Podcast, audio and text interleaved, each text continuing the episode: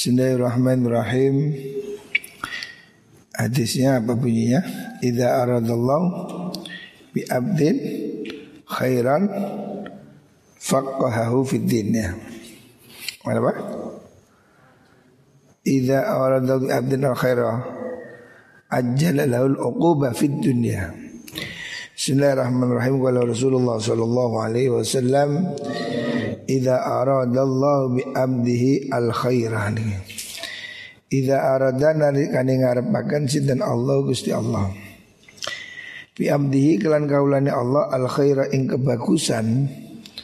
Kalau seseorang itu dikehendaki kebaikan oleh Allah, ajalah mongko gigih gigih itu mempercepat. Sinten? Allah lahu maring abad al uqubata ing tatrapan hukuman fit dunya ing dalam dunya.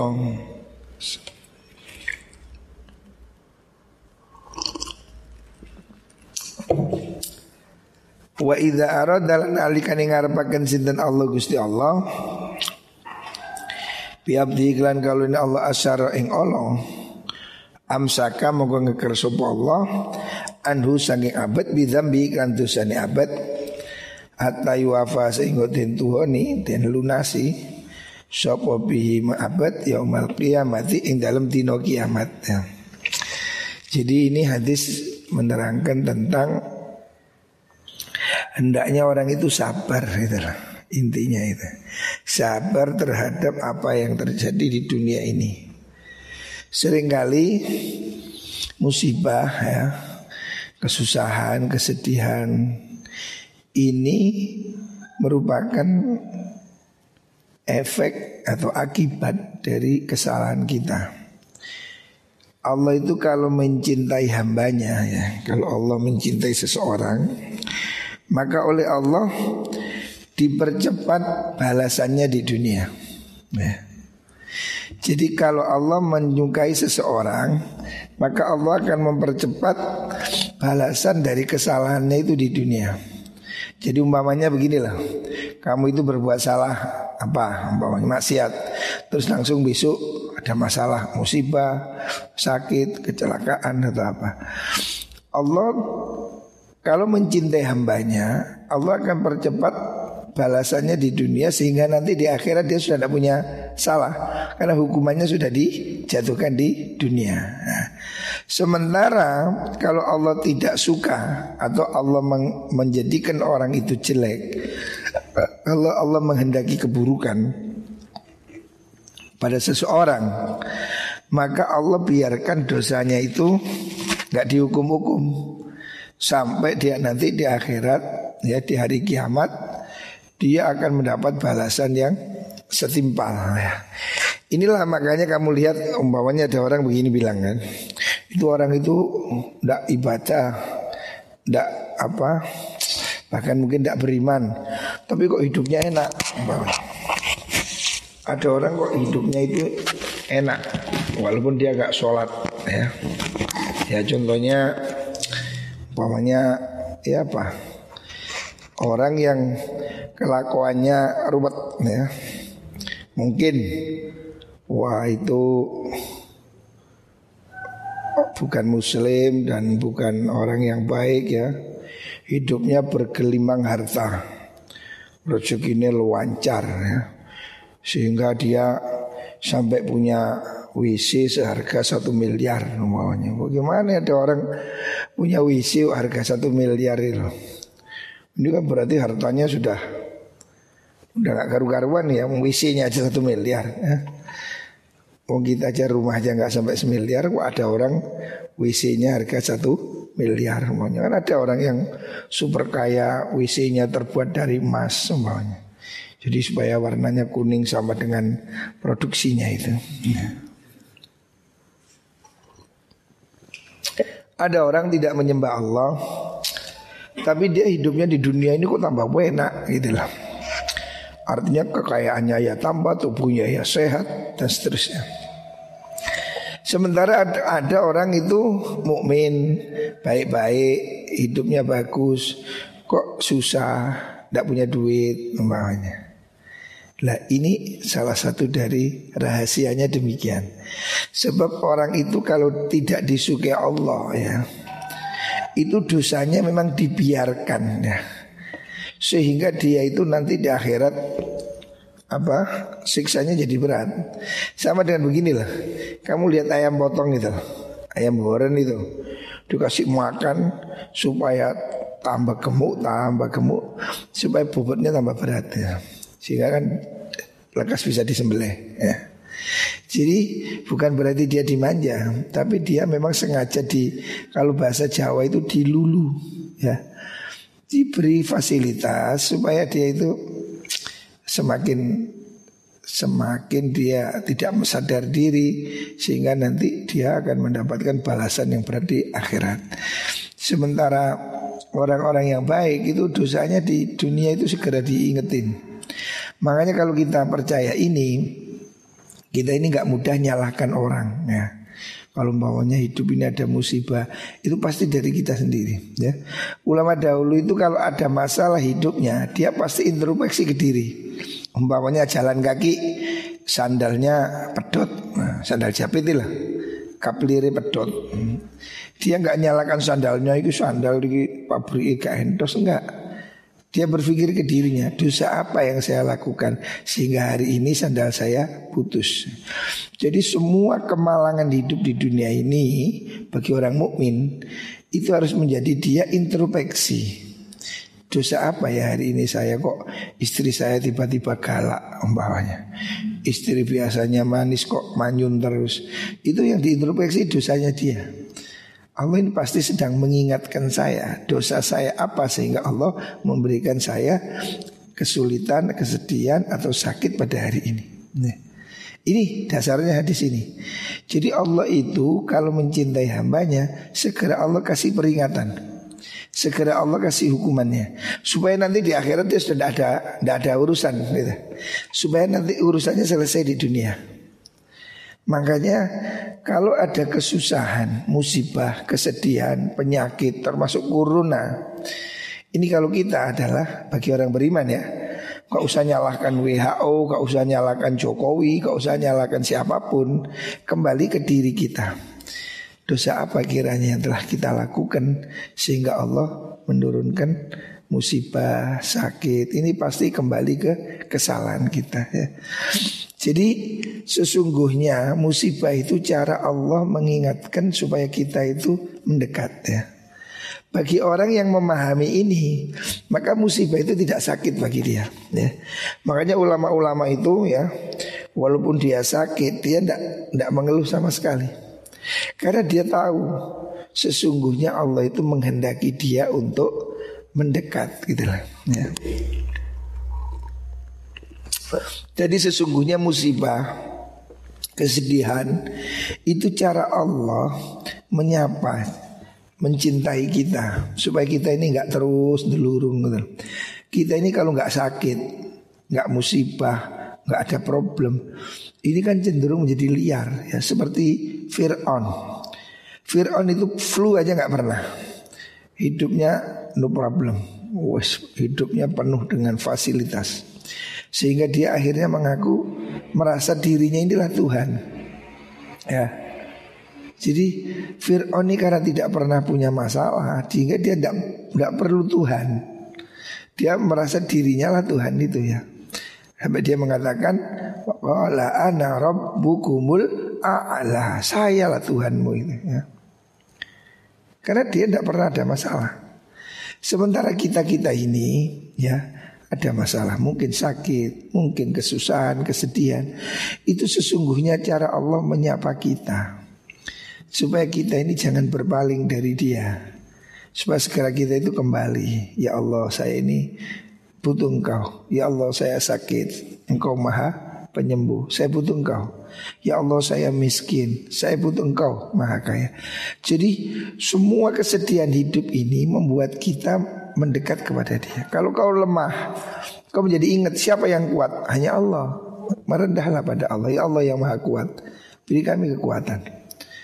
Kamu miskin? Ya Allah yang maha kaya. Beri kami kecukupan Ya Kamu sakit ya Allah yang maha penyembuh Beri kami kesehatan Supaya kamu tidak mengandalkan hidupmu pada siapa pun ya Ini rahasia kesedihan Kalau kamu menyadari ini kalau manusia menyadari seni di balik kesedihan itu, maka dia akan merasa kesedihan itu adalah nikmat. Ya. Makanya kata Syekh Abdul Qadir Jailani, tingkatan tertinggi itu adalah ketika orang melarat bersyukur. Ya. Kan ada orang melarat bersabar, orang orang kaya bersyukur. Yang lebih utama mana? Yang melarat tapi bersyukur. Ya. Dia menikmati kesedihannya. Dia bersyukur dalam apa pun. Nah, ini yang paling hebat ya. Jadi sesungguhnya cara Allah mengingatkan kita ya dengan wabah ini supaya orang itu sadar hmm, Amerika yang kuat, yang nuklir, yang bom atom, yang super power sekarang nggak berdaya dihantam virus yang kecil yang tidak terlihat mata aja udah kau dia. Cina yang merasa tidak ada yang mengalahkan yang hampir sudah menguasai dunia tidak berdaya kena virus ini ya. Ini cara Allah mengingetin bahwa jangan sombong ya. Kamu perlu Allah itu.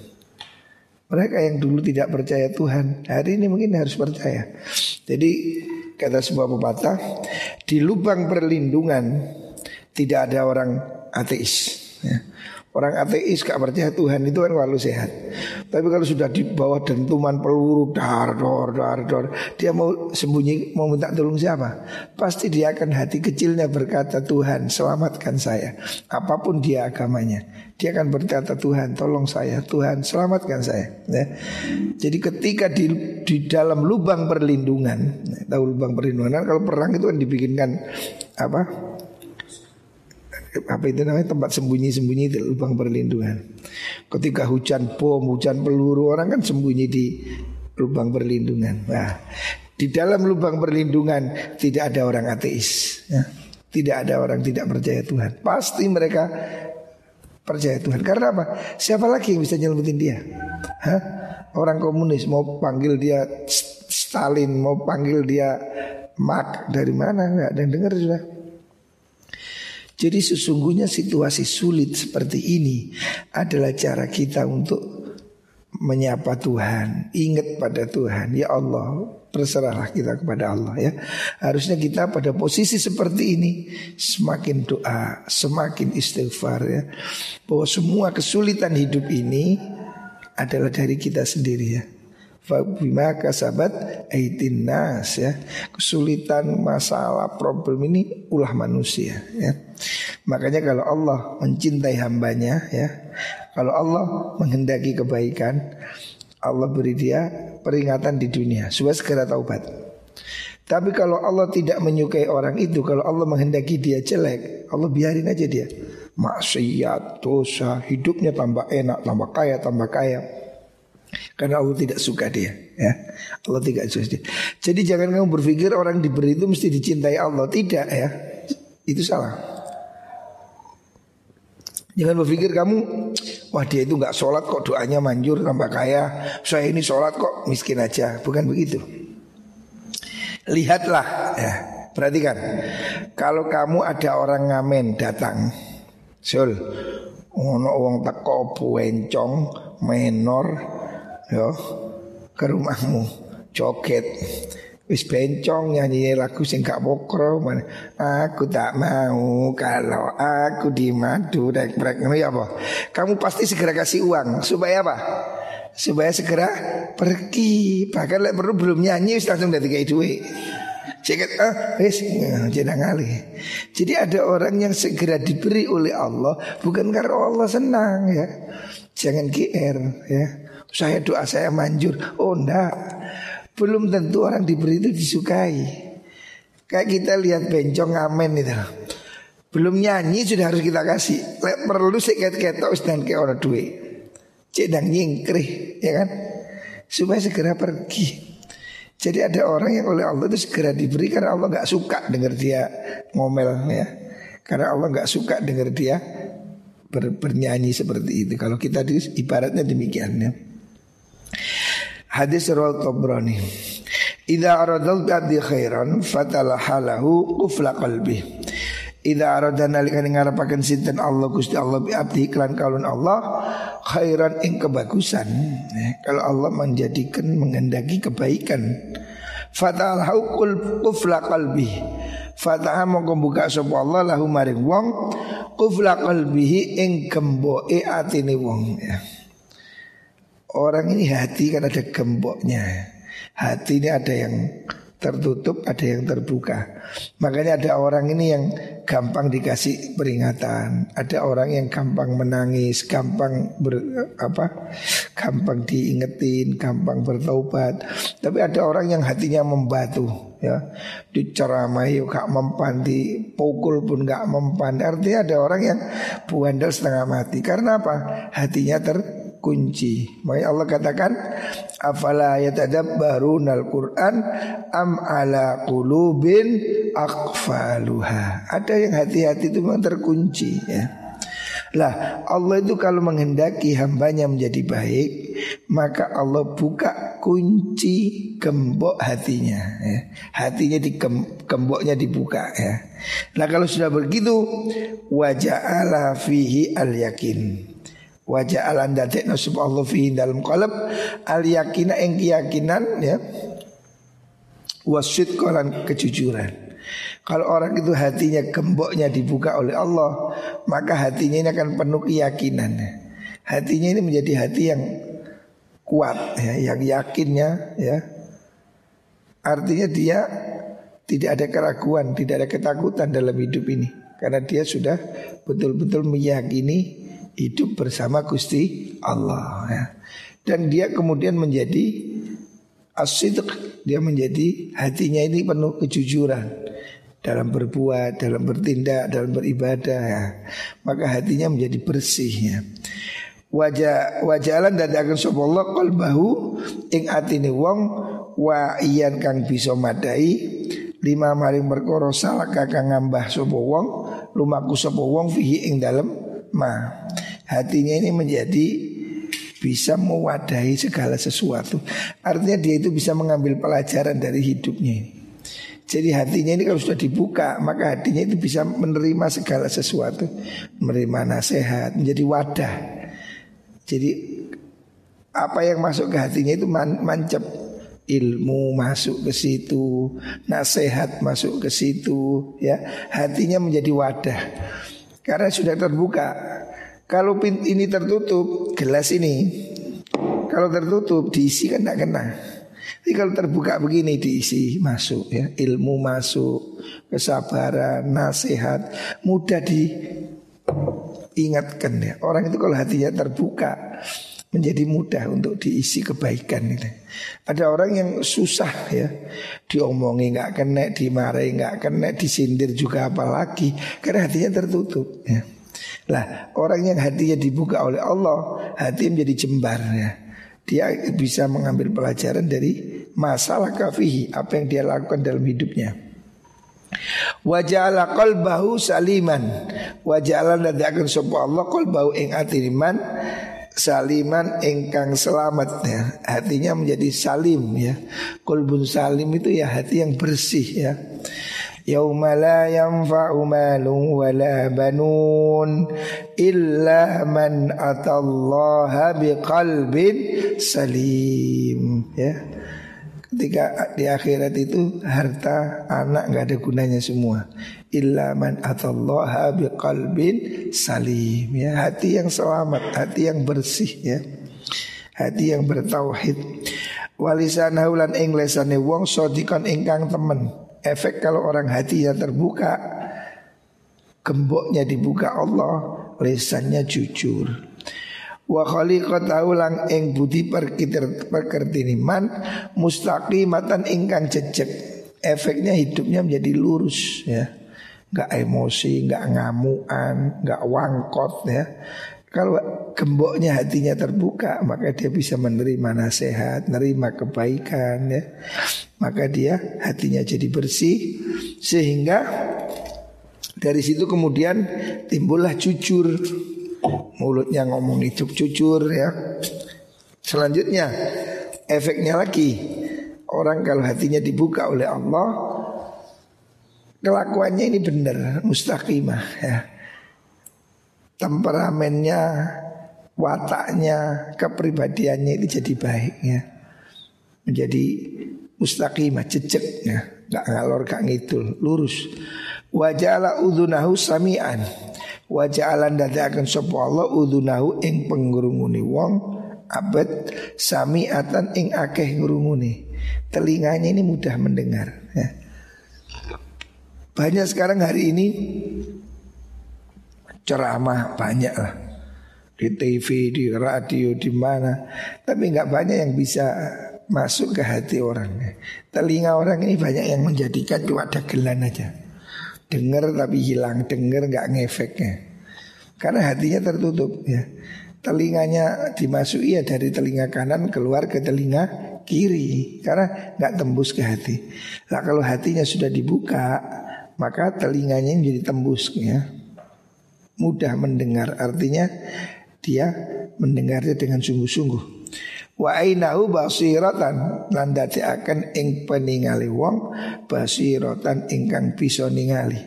Artinya basiro ini peninggal hati Peninggal yang bukan melihat dengan mata. Kalau mata orang banyak orang punya mata Tapi tidak tidak bisa melihat. Walahum a'yunun la yubsiru nabiha Allah katakan mereka itu punya mata tapi tidak melihat ya. Karena apa? Yang dimaksud melihat itu melihat dengan hatinya, melihat dengan nuraninya ya. Jadi orang-orang melek ini belum tentu melihat. Ya. Tapi orang buta ada yang bisa melihat karena yang dimaksud basir itu penglihatan dengan hati ya, bukan penglihatan dengan mata ya. Makanya orang buta pun bisa melihat hatinya ya, jiwanya bisa melihat ya. Ini yang disebut dengan orang yang hatinya dibuka oleh Allah. Rawahu Syekh An-Nabi Allah sallam Muhammad. Idza aradallah infadha qadaihi. Idza arada nalikane ngarepaken sinten Allah Gusti Allah. Infadha qadaihi ing nerusaken pastene Allah. Kalau Allah menghendaki menjalankan ketentuannya ya. Kan hidup ini sudah ada skenario dari Allah. Hidup kita sebelumnya ini sudah ada skenario. Allah akan menjalankan apa kehendaknya ya. Kita ini seperti wayang. Semuanya terselah dalang skenario Allah. Salaba mongkon dedel ngilangaken sapa Allah zawil ukula ing pira kang duweni akal ukulahum ing pira-pira akal zawil ukul. Hatayan fuda sehingga nerus fihim ing dalam tahul ukul opo qadauhu? Pastene Allah. Fa wa qadaruhu lan tegesi Allah. Fa idza qada nalikane nekani sapa Allah amroh. Amrohu ing perkarane Allah. Kalau Allah sudah mendapatkan apa yang dia kehendaki rota mongko akan sapa Allah ukulahum ing pira-pira akale zaul ukul wa waqat dan tumibo opo anadamatu sifat ketun ya. Jadi begini, ini rahasia kenapa sih ada orang itu orang pinter kok melakukan kesalahan umpamanya. Kadang kita kan bingung ya, ada orang itu sebetulnya ngerti kok masih berbuat begitu. Nah, itu karena memang kehendak Allah begitu. Jadi kalau Allah itu memang skenario nya menjalankan seseorang ini akan berbuat salah. Allah itu hilangkan akal sehatnya sehingga dia itu kok tiba-tiba nekat gitu. Setelah itu baru Allah kembalikan dan dia kemudian nyesel ya saya tadi kok begini ya. Nah, karena kan ada perbuatan gitu kita itu sebenarnya nggak ingin melakukannya. Tapi kok terjadi? Nah, itu kan kehendak Allah. Ya. Allah memang menghendaki seperti itu karena Allah itu punya skenario terhadap hambanya. Makanya nggak ada pintere wong rek, nggak ada pintere wong. Makanya jangan pernah sombong ya. Sepinter apa pun kamu, sehebat apa pun kamu, jangan merasa hebat. Karena apa? Kalau Allah kehendaki, orang pintar pun kepleset gitu loh. Kadang kita itu nggak ngerti, wong dia itu loh sudah seperti itu kok melakukan seperti ini. Ya itu karena kehendak Allah. Sehingga waktu itu dia seakan hilang kesadarannya gitu loh. Setelah itu baru dia menyesal. Ya memang itulah takdir Allah ya. Jadi kalau ada orang berbuat kesalahan itu harus dimaklumi. Memang kehendak Allah begitu. Kadang kita itu kan menyeselin lah. Lah iya ya, orang itu loh padahal seperti ini seperti itu kok melakukan ini ya. Hal yang menurut kita kayak nggak masuk akal itu. Kok bisa sih dia melakukan itu? Ya memang kehendak Allah begitu ya. Allah menghendaki skenario nya demikian. Maka dia itu bisa jadi berbuat di luar akalnya. Ya. Karena akalnya tertutupi oleh Allah. Sehingga dia itu melakukan hal yang menurut kita itu ceroboh banget. Oh, kamu kok begitu sih ya? Itu karena kehendak Allah ya. Dia tidak menghendaki itu Tetapi Allah menghendaki demikian ya Maka dia melakukan hal itu tanpa sadar dan dia kemudian menyesalinya ya. Nah ini memang sudah kehendak Allah. Makanya ada istilah ya kuda terbaik pun koding kabal jawat kuda terbaik pun kadang kepleset. Ya. Jadi ya orang itu orang keliru nih kan Kadang orang ini ya, orang berilmu kok melakukan apa Ya itu dia kepleset memang Allah kehendaki seperti itu ya maka dia waktu itu nalar sehatnya menjadi menjadi gak sehat yang ditutupi oleh Allah ya kehendak Allah. Maka itu untuk membuktikan bahwa kita ini tidak mampu ya. Yang mampu hanya Gusti Allah. Kadang orang juga orang baik-baik kok melakukan sesuatu yang jelek. Yaitu kesilapan namanya ya. Orang melakukan kekhilafan kan bisa aja ya. Orang baik-baik kok tiba-tiba Ya kadang kita heran ya. Yang umpamanya saya dengar mau si Fulan itu hebat yang wanu istrinya ya hebat cantik. Kok dengar-dengar saya dia nikah sama pembantunya jelek hitam lagi. ya itu ya kesilapan mungkin ya. Ya karena biasa makan gulai kepingin mendol banyak gitu ya. Kadang akal kita mengatakan wah kok mungkin ya udah kayak gitu kok masih begini ya. Itu jangan dianggap heran ya. Itu memang dia menjalankan skenario Gusti Allah ya. Sehingga orang itu hebat pun ada kelirunya ya. Itu membuktikan bahwa memang dia dalam irama dalam skenario kehendak Allah ya. Baru dia menyesal kan menyesal ya saya kok berbuat begini menyesal. Ya sudah taubat aja gitu. Rawahu Dailami an Anas. Ida aradta nalikani ngarepaken sira. Antaf ala ing yen nglakoni sira amron ing perkara. Kalau kamu ndak melakukan sesuatu fatadabbar mongko angen-angen sira. Hendaknya kamu pikir angen-angenan. Akibat tahu ing akibate amrun jadi kalau kamu ada sesuatu ya mau mengambil keputusan itu jangan keburu-buru ya Hendaknya kamu pelan-pelan ya Angen-angenan sih gitu Akibatnya apa? Jadi kita harus punya keberanian dan kemauan untuk menguji gagasan kita. Ya. Jangan ikut-ikutan. Saya kalau begini efeknya seperti apa? Ya. Jadi jangan bertindak dengan emosi. Kalau kamu mau melakukan sesuatu, pikir nanti efeknya seperti apa ya. Jadi kita harus bisa menguji gagasan kita sendiri ya. Terus mempertimbangkan resikonya. Oh kalau saya begini, resikonya begini ya gitu. Jadi biasakan untuk berpikir dua tiga langkah ke depan. Kalau saya begini, begini. Jangan harus pokok yang ini. Akhirnya nyesel kamu ya. Hendaknya kalau kamu memutuskan sesuatu itu dipikir dulu, diangen-angen ya. Nanti efeknya apa gitu loh. Fa kana lamun ono apa mengkono mengkono amr iku khairun bagus, lebih bagus, famdi mongko nekanono sapa wong ing amr. Wa in kana lamun ono apa amr iku saron Allah fantahi mongko nglerenono sapa sira. Ya. Jadi segala sesuatu itu hendaknya kamu pertimbangkan dulu. Nanti efeknya gimana? Oh ini baik lakukan. Tapi kalau kamu pikir wah janganlah nanti akibatnya begini begini ya sudah hentikan. Ini ajaran untuk kita itu jangan gerusak gerusuh. Ya, apa bahasa Jawa ini apa? Jangan menuruti emosi gitu loh. Ojo us pokoknya gini langsung ini langsung gitu. Jangan begitu ya. Jangan orang itu terus ngawur ya, ngawur, gerudak geruduk gitu loh. Menuruti emosi, menuruti kemauan hati. Jadi kamu harus berhenti, berhenti dulu. sih ini benar nggak sih? Kalau saya begini betul nggak sih? Ya, pikirkan akibatnya. Ya, jangan bertindak sebelum dipikir ya. Ojo nuruti karpe hati ya. Jadi orang ini harus angen-angen apa yang harus dilakukan ya. Maka pertama itu ya kamu harus menimbangnya secara syariat. Ya. Ini dosa nggak perbuatan ini. Ya. Kamu pikir ini secara syariat benar nggak? Oh ini dosa ya sudah jangan dilakukan ya kan? Maka kamu harus ukur dulu timbangan yang pertama itu syariah ya.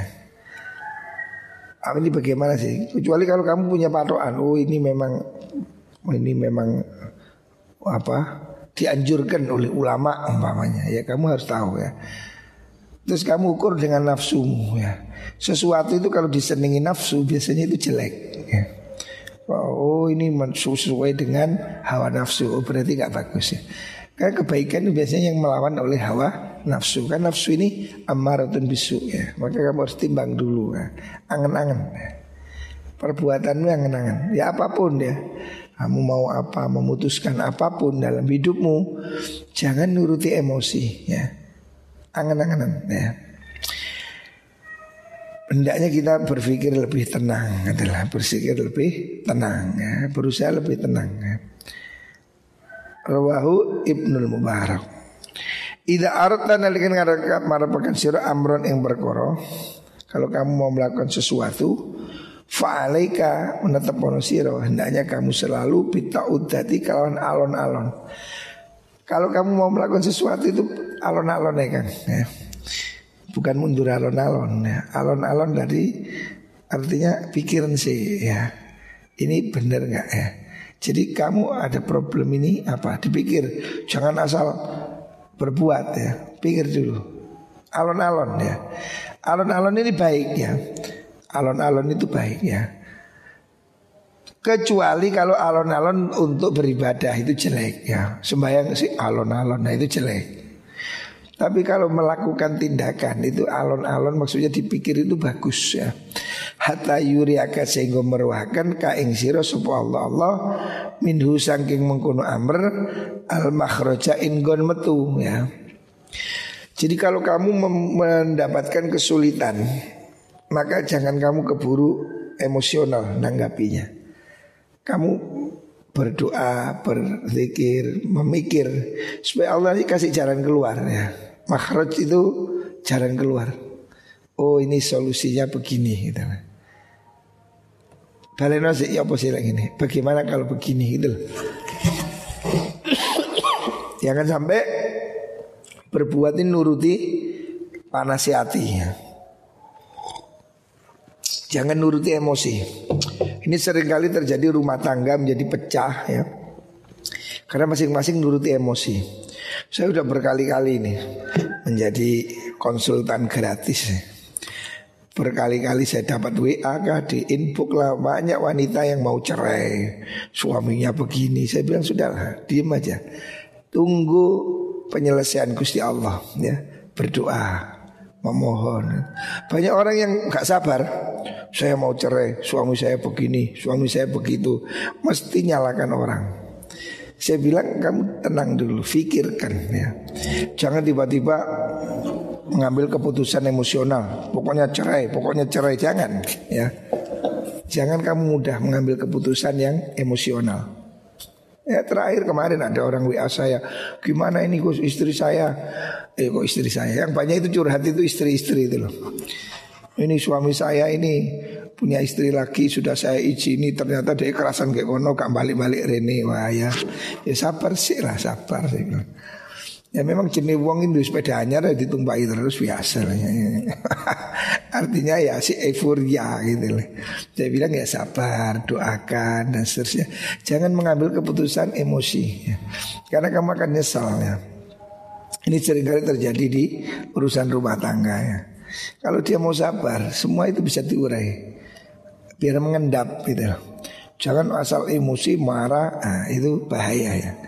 Nanti kan ada solusinya. Allah akan beri solusi apa gitu.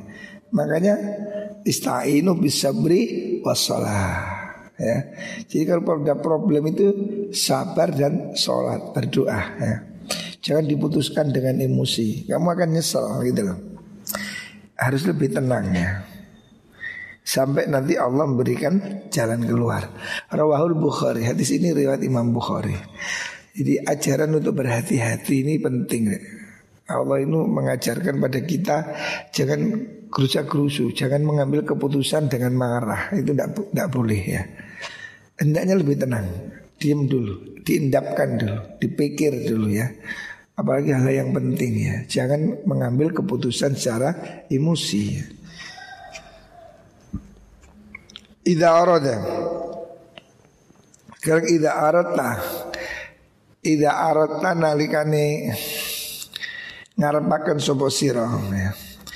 Tapi yang saya katakan tadi apa alon-alon ini kalau untuk sesuatu yang yang ini ya untuk sesuatu problem ya dun, urusan duniawi ya. ya. Tapi kalau urusan akhirat itu jangan alon-alon ya, jangan dikepiau ya Kon gak sembayang sih alon-alon, jangan begitu.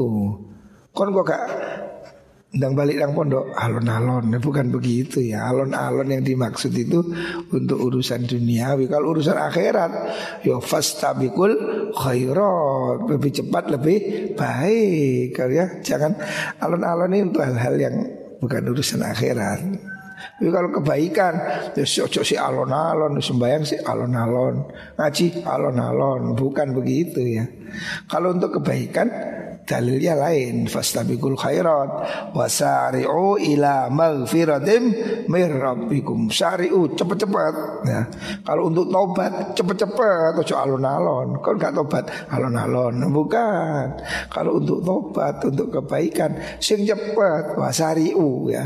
Dalil dewi kenal ya jadi kalau urusan duniawi kamu pikir ya. Tapi kata sodako, ojo alon-alon, urung kok. Sodako ora, sodako ora, ora ini ngono kalian kasih tahu.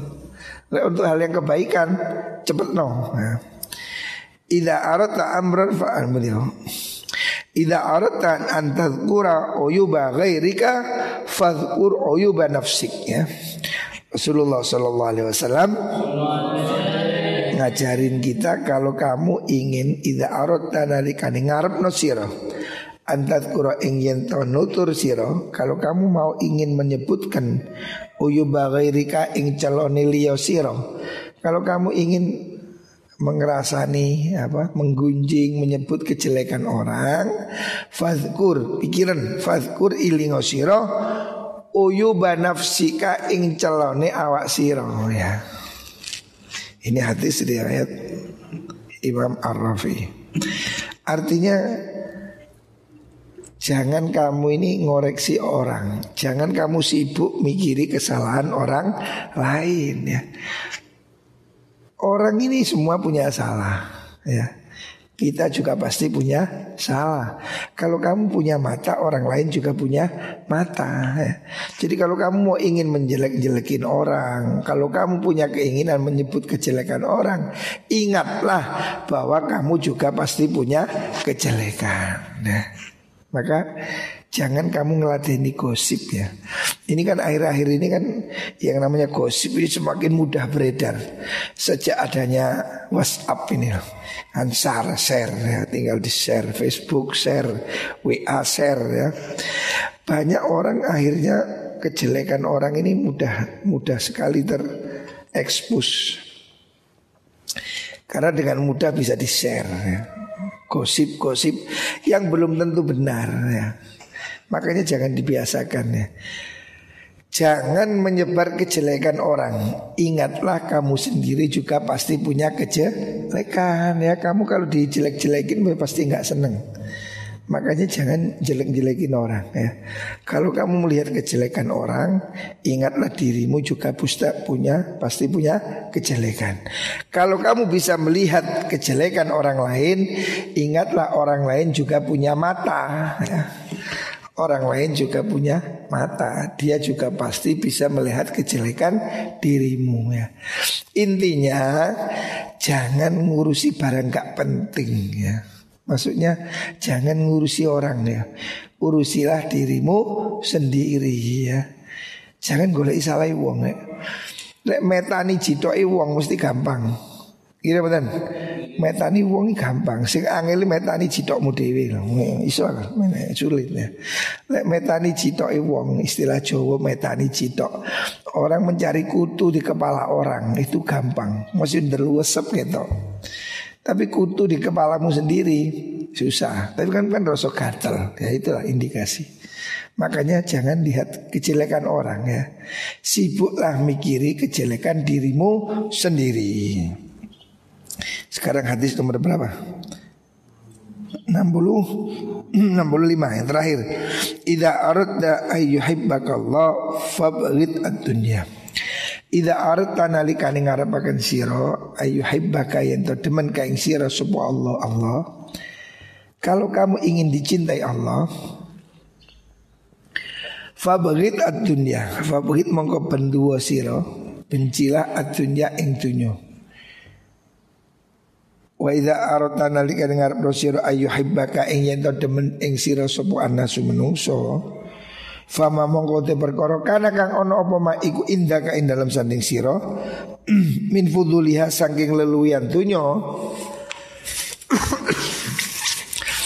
apa yang ada kelebihan dunia di sisimu fambudhu mongko buang sirahu ing ma ilahi maring nas. Ya. Ini satu hadis yang Jawa miul kalim. Ini seperti kata mutiara ya. Ini bahasa yang simple tapi sangat sangat apa sangat benar ya. Jadi begini Orang itu kalau ingin dicintai Allah Jangan mencintai dunia ya. Karena tidak akan mungkin kamu mencintai dua hal. Orang ini pasti tidak bisa mencintai dua hal sekaligus ya. Kita ini hanya punya satu hati Ha? Ma ja'alallahu lirajulin min qalbaini fi jaufi. Orang tidak punya dua hati, pasti punya satu hati. Kalau kamu cinta si A, kamu pasti nggak cinta sama si B. Tidak mungkin orang mencintai dua hal secara bareng. Makanya kalau kamu ingin dicintai Allah, jangan mencintai yang lain, cintai Allah saja. Ya. Cintai Allah, Allah mencintai kamu. Tapi kalau kamu mencintai dunia, Allah nggak cinta kamu. Karena apa? Kamu sudah berpaling dari dia. Ini bahasa yang ringan sekali. Tapi ini sebenarnya sangat benar ya. Jadi kalau kamu ingin dicintai Allah, cintailah Allah. Fokuslah mencintai Allah, jangan mencintai yang lain. Karena Allah tidak mau diduakan. Kamu juga nggak mau kan diduakan cintamu. Pacarmu mencintai kamu dan mencintai temanmu. Kamu mau nggak? Hah? Oh enak. Untukmu 50, untuknya 50, eh? Pak Salome jenenge. Kamu pasti tidak suka diduakan. Allah juga begitu. Allah tidak suka diduakan. Kalau kau cintai Allah, cintai Allah. Jangan cintai dunia, ya. Jangan cintai dunia. Bukan berarti orang itu harus kiri, bukan. Tidak cinta itu maksudnya hatinya ini jangan ke situ, hatinya pada Allah. Dunia bisa ada tapi di tangannya, jangan cuma diada di hatinya ya. Dijatuhkan Imam Hasan Al Basri Pernah ditanya ya. Jadi begini Ada kiai kok kaya apa cinta dunia? Belum tentu rek. Miskin pun bisa jadi kedunian ya. Jadi cinta dunia ini ukurannya bukan kaya atau miskin Ya. Sayyid Sufi ya Ibnul Arabi itu juga kaya raya ya. Jangan dikira miskin. Sufi itu nggak selalu miskin ya. Saya ingat ada cerita Sufi apa itu jadinya ikan ikan asin. Nah, ada sufi ikan asin dari cerita di Yaman misalnya. Ada seorang sufi yang miskin, yang kere, yang makannya itu cuma kepala ikan asin. Dia itu ya miskin, orang miskin kan hidupnya dari sesuatu yang sangat murah. Kepala ikan kan dibuang ya. Jorok wong Jawa iwak iwak apa? Iwak kere iwak. Menu yang paling murah itu loh. Ada orang hidupnya miskin makan iwak kering. Terus suatu saat santrinya mau pergi ke Andalus. Dia bilang kalau kamu pergi ke Andalusia, waktu itu kan masih pusat negara Islam. Pergilah kamu ketemu guru saya ya, Ibnul Arabi. Itu seorang tokoh sufi terbesar pada zaman ini. Temui guru saya sampaikan salam saya. Ya. Muridnya pergi sudah dari Yaman dia pergi ke Andalus. Sampai di sana dia nyari di mana rumahnya Ibnul Arabi. Dicari, ditanya, dikira rumahnya ya kiri juga karena gurunya yang di Yaman ini kiri, orang miskin. Paling gurunya ya podo melarati. Ternyata dicari yang namanya Ibnul Arabi ini kaya ternyata rumahnya kuat deh, mewah kayak istana, mobilnya bagus ya. Kalau hari ini Ferrari, Lamborghini, wah, pokoknya mobilnya itu mewah, rumahnya bagus. Dia bingung, loh masa si Sufi kaya?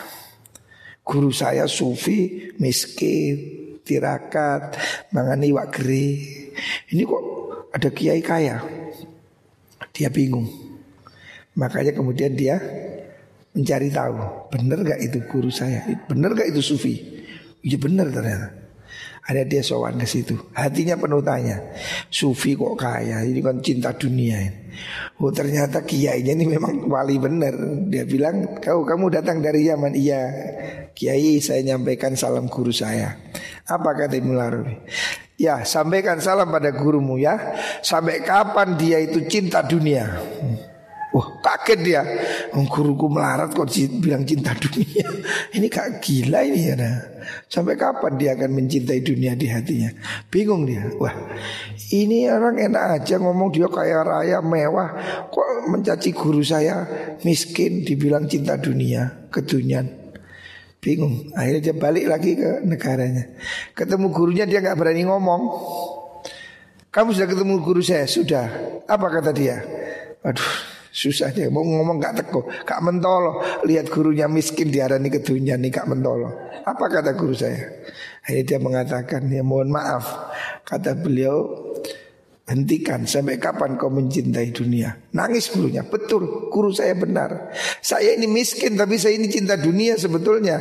Saya ini makan ikan kere Tapi hati saya selalu pikir Kapan makan sate? Kapan makan ayam goreng?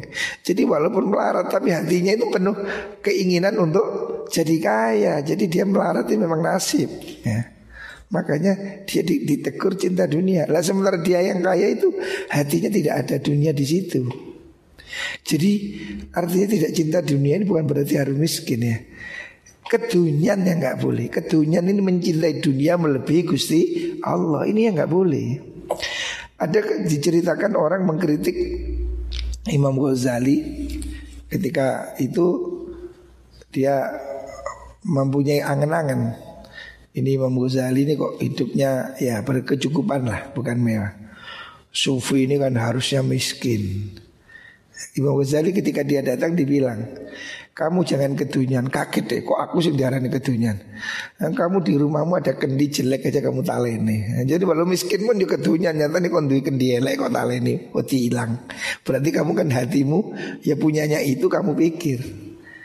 Jadi bukan berapa banyak tapi berapa yang ada di hatimu gitu loh Kedunian itu mencintai dunia dan membuat dia lalai lupa dari Allah. Bukan tidak boleh kaya ya. Jangan dikira sufi harus miskin. Banyak sufi kaya banyak ya.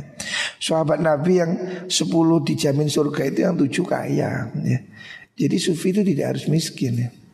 Maka itu Imam Hasan Basri mengatakan perumpamaan orang sufi kaya ya orang-orang orang yang dunia tidak ada di hatinya ya. Ada orang muskil Bagaimana orang sufi kok bisa kaya? Akhirnya dia diajak dikasih contoh. Jalan waktu itu di Baghdad kan masih berupa jalan batu. Dia diajak, ayo kamu sini ikut saya, naik kereta, kereta kuda. Terus dikasih gelas penuh air. Gelas ini kamu pegang, udah penuh. Terus apa? Kamu ini tak ajak jalan-jalan keliling Baghdad dan saya ini bawa uang satu peti Selama perjalanan kamu hitung uang ini berapa Nanti kamu boleh ambil Tapi gelas yang kamu pegang jangan sampai tumpah Siap, siap, jalan saja Begitu jalan, nama naik kuda Bukan ini jalan Cuma tiru kuta kan Belum ada jalan tol jalannya pukulan Sehingga dia sibuk megangi gelas yang kan perintahnya tidak boleh kuta Jadi dulu dulu dulu dulu bingung terus ini terus Akhirnya dia itu konsentrasi ke sini. Sampai tujuan ditanya, kamu tadi sudah hitung uang berapa? Gak sempat, kenapa? Nah saya takut gelasnya kutah, kadang nggak beli kutah. Ya. Saya begini tadi terus begini. Jadi duit di depanmu nggak kamu hitung? Ya enggak, kalau ini saya lepas ini kutah kalau saya ngambil uang. Oh, tahu kamu ya? Iya. Kamu tadi lihat nggak di sana ada kebun-kebun bagus? Enggak, kenapa? Nah saya sibuk lihat gelas takut kutah. Yang sana ada cewek bahenol cantik-cantik kamu lihat. Enggak lihat kenapa? Ya saya sibuk gelas kutah. Ya seperti inilah para kekasih Allah. Jadi walaupun dunia ada di tangannya tapi dia sibuk men menjaga gelasnya. Dia sibuk menjaga hatinya. Maka dunia pun tidak nampak di dia ya. Kamu tadi di kereta padahal sudah lewat pemandangan, lewat pasar, banyak orang cantik, banyak kebun, tidak sempat lihat. Karena apa? Sibuk dengan menjaga gelas ini. Nah para sufi itu begitu. Hatinya itu sibuk dengan Allah Menjaga hati, gelasnya tidak tumpah. Kekayaan ada di pada dia Tapi tidak di hati. Kekayaan ada di tangan Ada di luar ya. Jadi sufi itu tidak harus miskin ya. Jangan salah paham tetapi yang tidak boleh itu cinta dunia. Artinya cinta dunia itu membuat dia sampai lalai Tidak ibadah Mendahulukan dunia daripada agama. Itu yang tidak boleh ya. Itu yang yang tidak diperbolehkan seperti itu ya. Beliau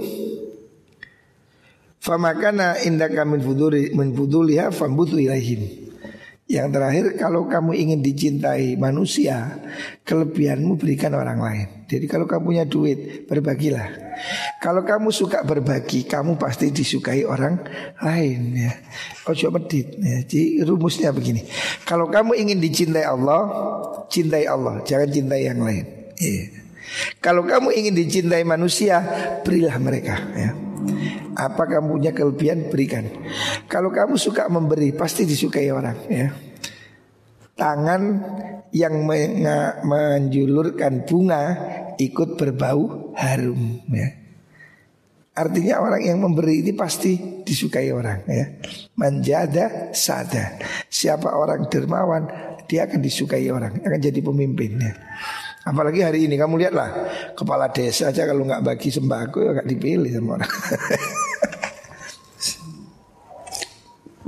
Lihat kalau musim kampanye itu kan beras bertaburan di mana-mana. Karena orang ini secara naluri suka diberi ya. Ya walaupun itu tidak benar ya mani politik itu tidak bagus. Tetapi ini ini psikologi orang. Orang itu kalau diberi menjadi senang ya. Ada tetanggamu cantik gak suka kamu. Itu setiap hari kamu kirimin beras satu kintal. Lama-lama ya seneng ya suwi-suwi seneng karena sering diberi ya itulah. Aja al insan Abdul Ihsan. Orang itu pasti menjadi hamba kebaikan. Jadi kalau orang buat baik kamu pasti akan simpati seneng senengnya jadi kalau kamu mau disenangi orang gampang guys sing roman ya. Kalau kamu dermawan kamu pasti disukai orang ya. Wallahualam